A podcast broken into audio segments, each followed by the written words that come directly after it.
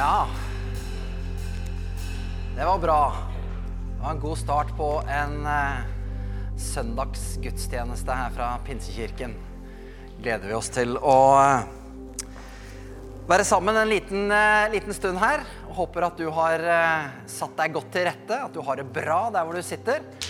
Takke Louise og Sylvi og Martin og Benjamin og Daniel for det de gjorde hittil i dag. Og vi skal fortsette å lovsynge Jesus litt eh, etterpå også. Så eh, sånn er det. Rune heter jeg, og jeg skal få lov til å eh, dele litt med dere i dag. Håper du er klar for noen oppmuntrende ord fra, fra Jesus. For det er han jeg ønsker å peke på. Eh, vet ikke om du fikk med deg forrige søndag. Det var jo selveste påskedagen. Hvor eh, pastoren vår, Morten, han eh, delte om Jesus. Det som skjedde på korset, og hvordan Jesus var en løsepenge for vår skyld. Har du ikke fått den med deg, så anbefaler jeg virkelig å gå inn på nettsiden vår og finne fram den og høre på den. Eller se på den, som du kan da gjøre eh, også. Eh, men jeg skal fokusere på Jesus. Eh, sist jeg var her, så eh, det var vel i høst en gang, da snakket jeg om det første Jesus gjorde som et sånt tegn. Eh, når han eh, ble en voksen mann og gikk inn i tjenesten, når han gjorde vann til vin. Eh, da snakket vi om at han er mer enn nok. Han har mer enn nok for oss. Og Jeg ønsker å fokusere på Jesus i dag også. La han få lov til å være synlig. Men eh, jeg skal også fokusere litt på deg og meg. Vår tro på Jesus. Eh, 15 år etter at Jesus døde, sto opp igjen og reiste opp til sin far i himmelen, så var det en kar som het Paulus, som eh, reiste rundt i Europa. Han tok noen misjonsreiser, eller europaturneer. Eh, og han eh, grunnla mange kirker rundt om i Europa. Og mange av de kirkene leser vi jo om i Det nye testamentet. Fordi Paulus skrev brev til mange av de.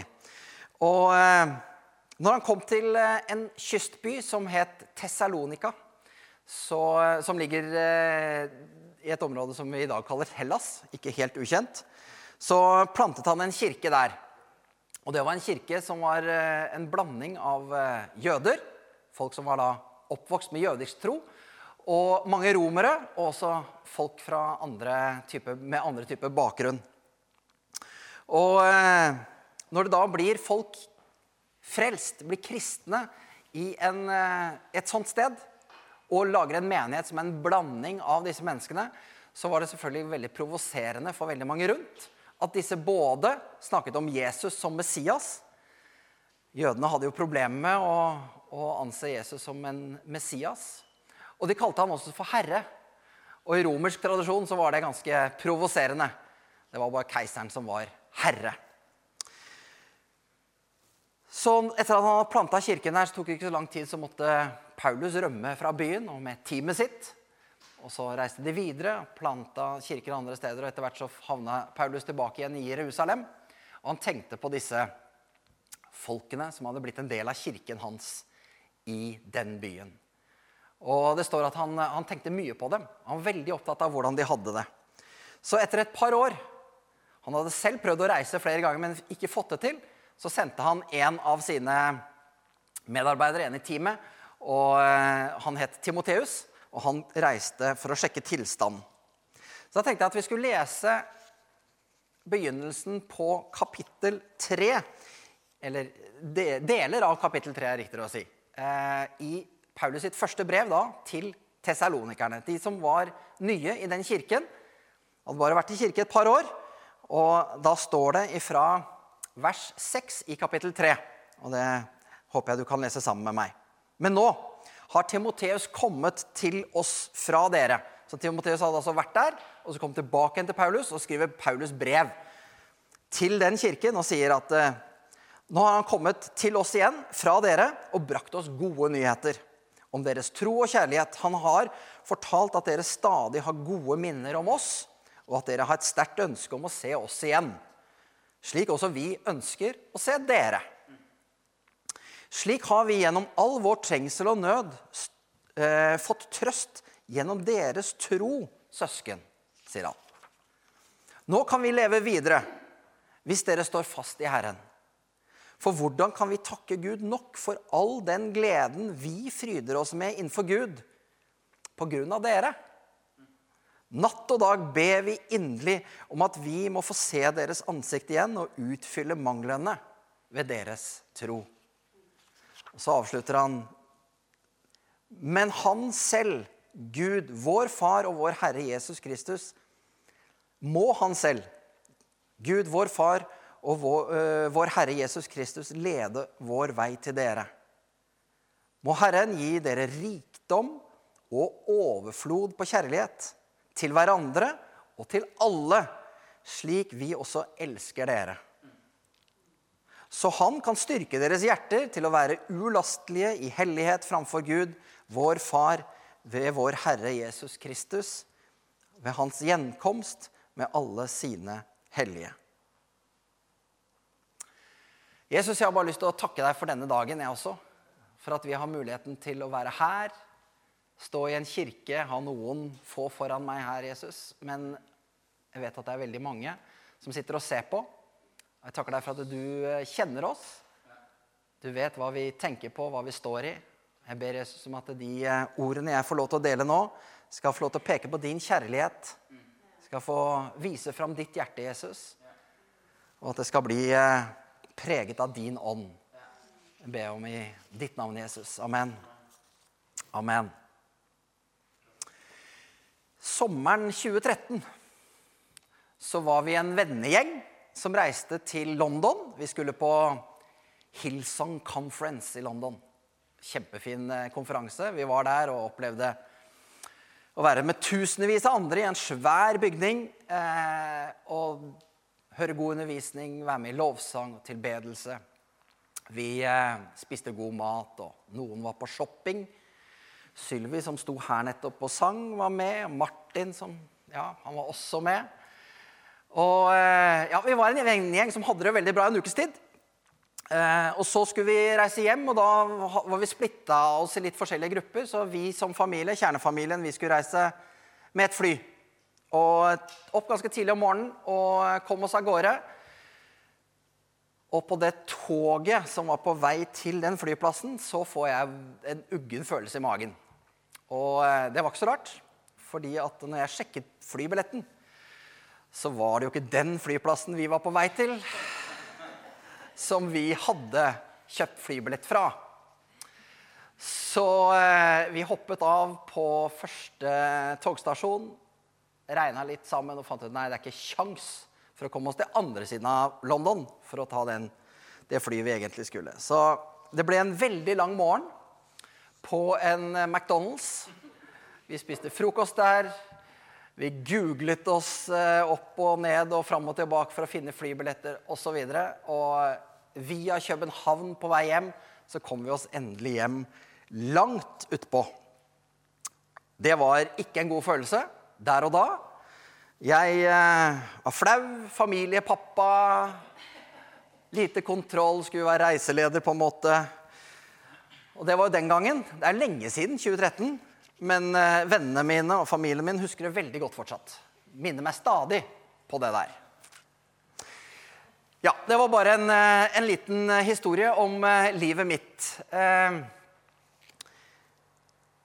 Vi drømmer nå om å reise hvor som helst, og med hvilke fly som helst og alt mulig.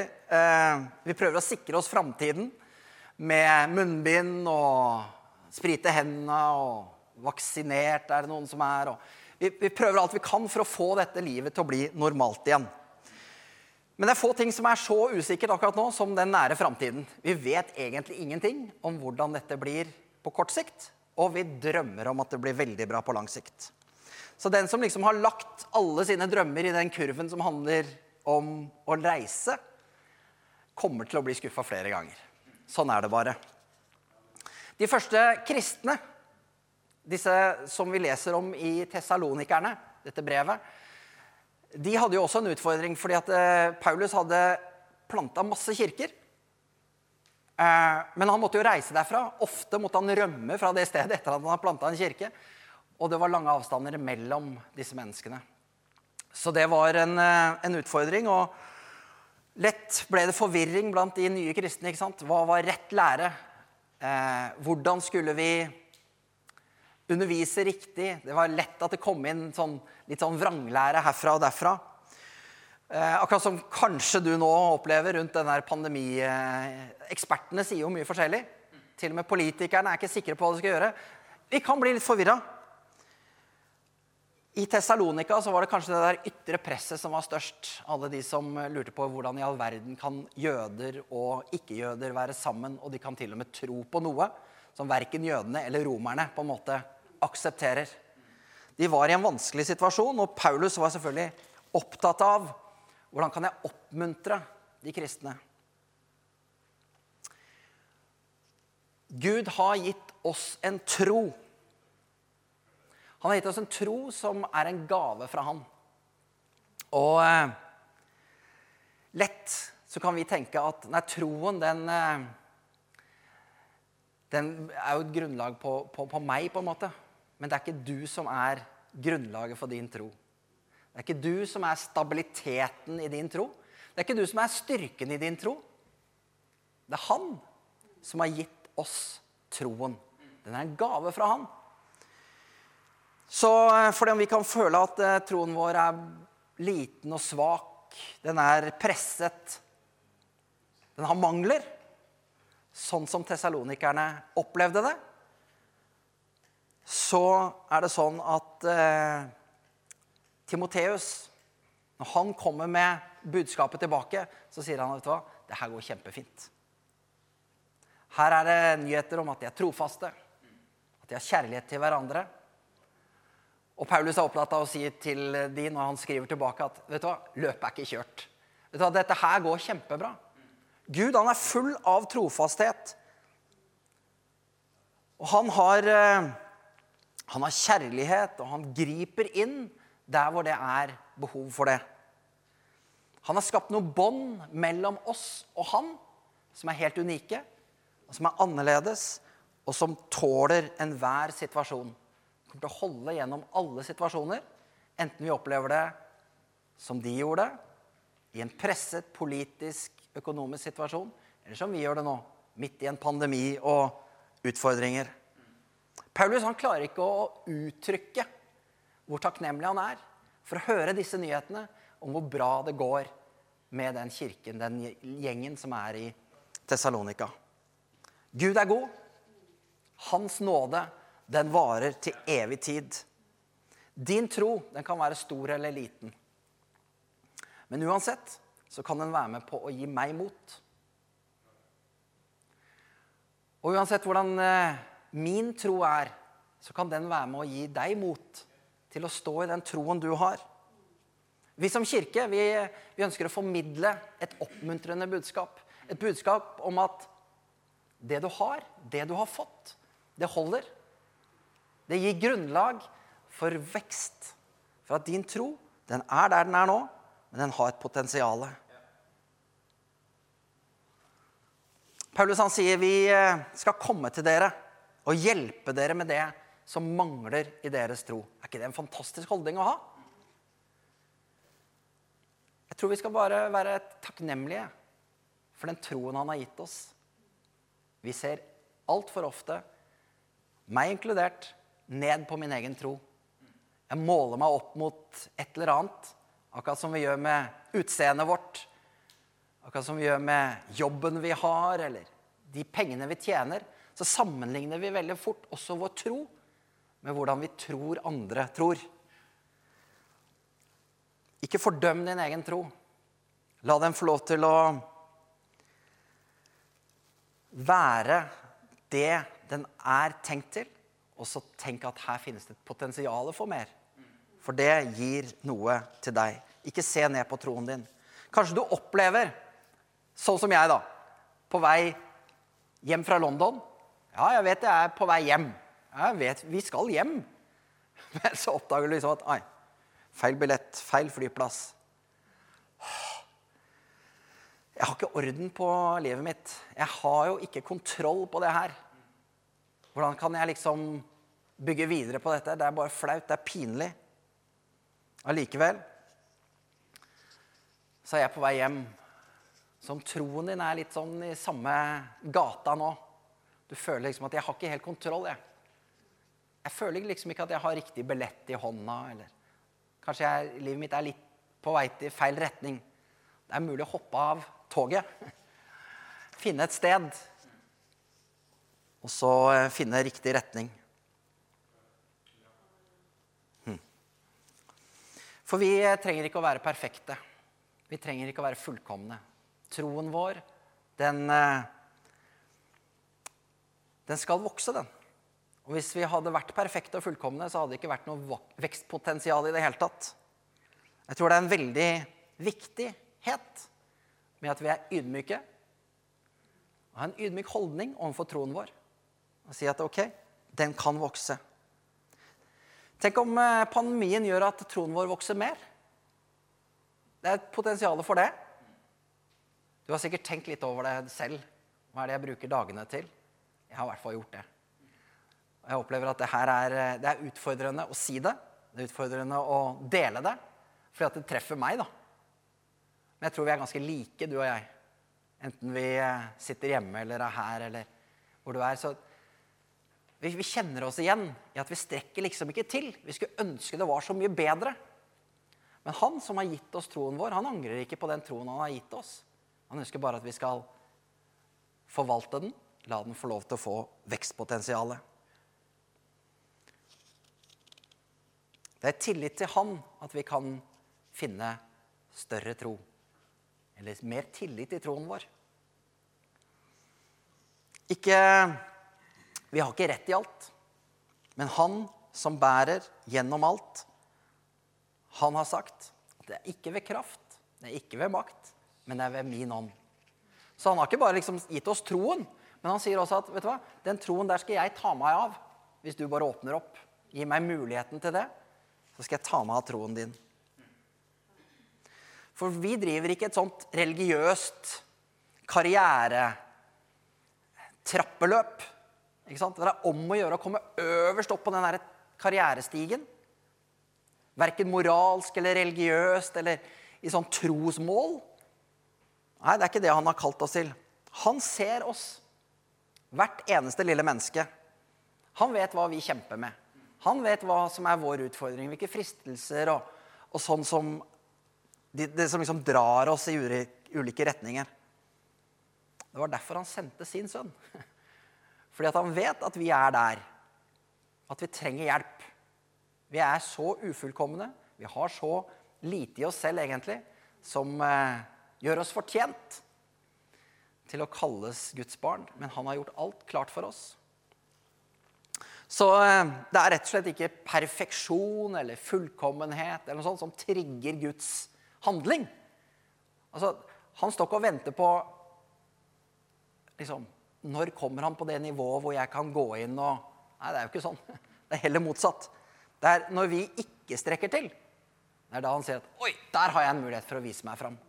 For hvis vi går rundt og er liksom stolte over at vi får til alt mulig, så er det jo ikke noen plass til han. Men i vår mangel på fullkommenhet så er det plass til Gud.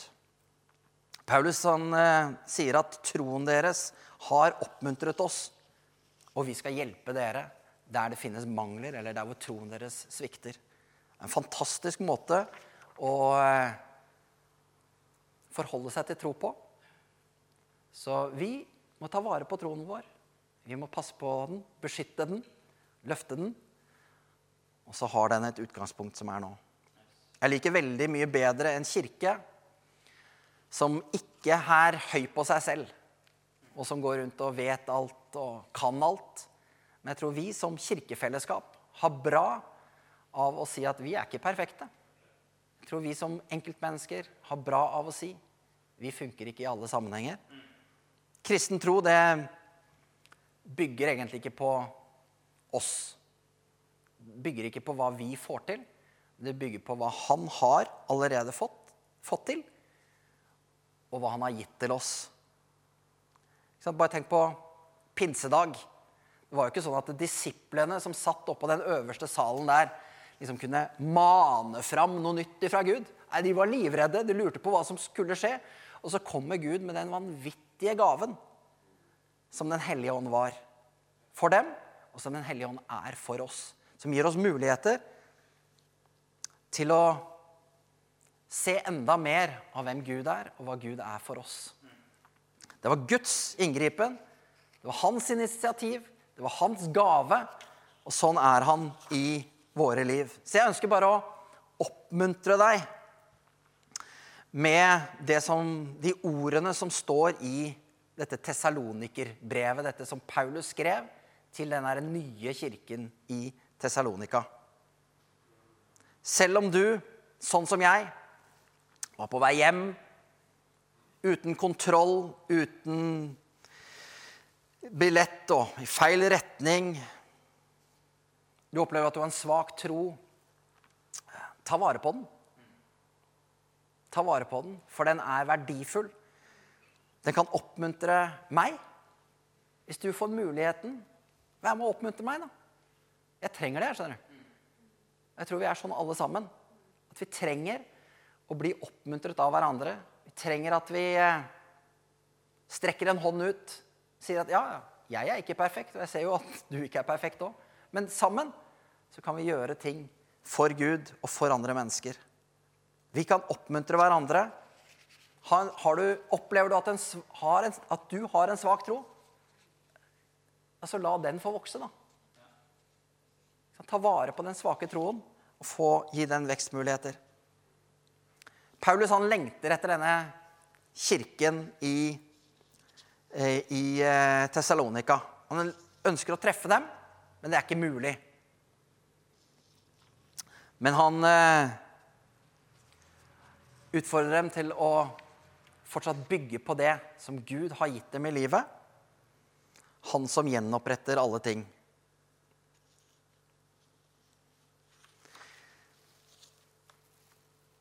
Tenker på deg som kanskje kjenner på skam. Til deg som eh, vet godt hvordan det står til eh, i huset ditt. At ikke alt er gullende rent, eller det er litt støvete i krokene. Hvis du opplever det sånn. Eller du kjenner at eh, du ikke har en billett i hånden som sitter på Eller at du sitter på et tog som er på feil, i feil retning, eller som ikke tar deg hjem. Det er mulig å hoppe av toget. Ta en eh, fot i bakken, finne ut av at eh, ok, det er ikke sånn at jeg er helt ute å kjøre her. Men det er mulighet for å komme seg tilbake igjen der hvor det var meningen. I eh, vers 12 av dette kapitlet så sier Paulus til denne kirken Må Herren gi dere rikdom og overflod av kjærlighet til hverandre, til alle. Er det for mye kjærlighet, det? Det kan det jo fort bli. Nei. Oppsummeringen av Bibelen. Den Gud vi kjenner, han er full av kjærlighet. Han vil overøse kjærlighet på oss. Han vil sløse kjærlighet på oss, hvis det går an å si det. Alt det han har, for at vi skal få et liv det virkelig er verdt å leve. Gud, han har overflod. Hvis vi tenker på påskedrama, som vi nettopp har kanskje hatt spesielt i minnet forrige uke, så er Gud kjærlighet. Han strekker seg etter oss. Han tok initiativ i påsken. Han tar initiativ i pinsen, som vi etter hvert skal komme til. Han vil eh, være med og oppmuntre din tro. Og når han vil det, da tenker jeg da er det også min jobb. Å være med å oppmuntre din tro. Jeg håper eh, noe av det jeg har sagt, kan være med å peke på at ja, vi er ikke helt i mål. Vi er litt i samme båt som denne menigheten, denne nyplanta kirken i Tessalonika. Troen vår, den er ufullkommen, men den har et enormt potensial påskedrama. Masse mennesker som sviktet Jesus. De nærmeste, de sviktet Jesus. Men likevel, det kom en ny dag. Det kom en ny mulighet for gjenopprettelse, for å fortsette det samme løpet. Ny mulighet for de som ikke holdt ut hele veien. For de som tvilte, For De som til og med bannet på at nei, han Jesus, han kjente jeg ikke engang. Men det kommer en ny mulighet. Alle menneskene der er akkurat som oss. Det er, det er på en måte historien om deg og meg. Vi kan fornekte, vi kan slumre, sovne unna. Men det finnes en Gud som er veldig interessert i oss.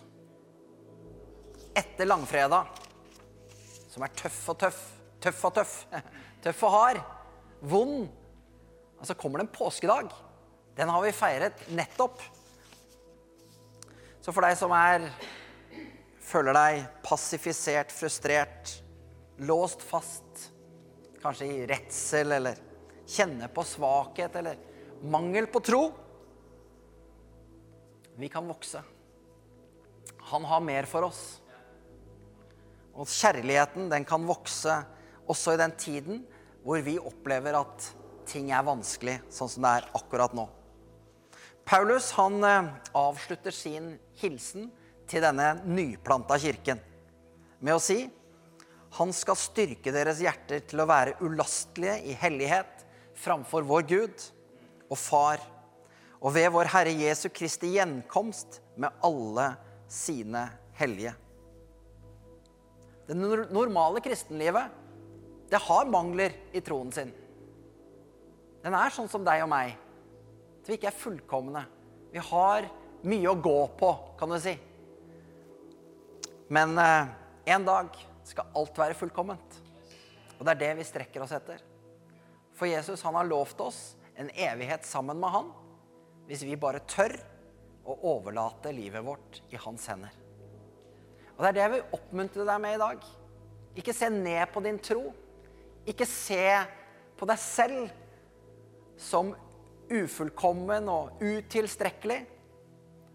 For måten han ser på deg, er med helt andre øyne. Måten han ser på meg, er med helt andre øyne. Jeg klarer ikke alltid å tenke det sånn og forestille meg det sånn eller, eller tro det sånn. Men Bibelen sier at det er sånn. Og jeg har valgt å stole på tro på Bibelen. Så jeg har bare lyst til å be sammen med deg akkurat nå til slutt. Håper at det har vært noen ord til oppmuntring. Du er ikke fullkommen. Ingen er fullkommen. Men han er det, og han ønsker å dra oss inntil seg. Så Jesus, jeg takker deg for at du har vært til stede her mens jeg har fått lov til å dele noe av ditt hjerte. Noen ord fra det ordet du har gitt til oss. Og nå ber jeg her om at det skal få lov til å plante seg som noe mer enn bare ord i de som har fått høre på i dag, Jesus. Takker deg for at din eh, ånd den er alle steder tilgjengelig. Enten vi er her i et kirkebygg, eller om vi sitter hjemme i sofaen vår, eller vi er ute og går på tur, eller hører dette i bilen, hvor det er, Jesus, så vet jeg at du er tett på oss. Fordi om vi av og til føler at vi eh, ikke strekker til, vi mister oss selv, eller hva det skulle være, Herre, så takker jeg for at din ånd den er den samme, og du er interessert i oss i alle livssituasjoner takker jeg for at du har vært med meg også i dette budskapet, Jesus. Og jeg håper det kan være fra hjertet og til hjertet. I Jesu navn. Amen.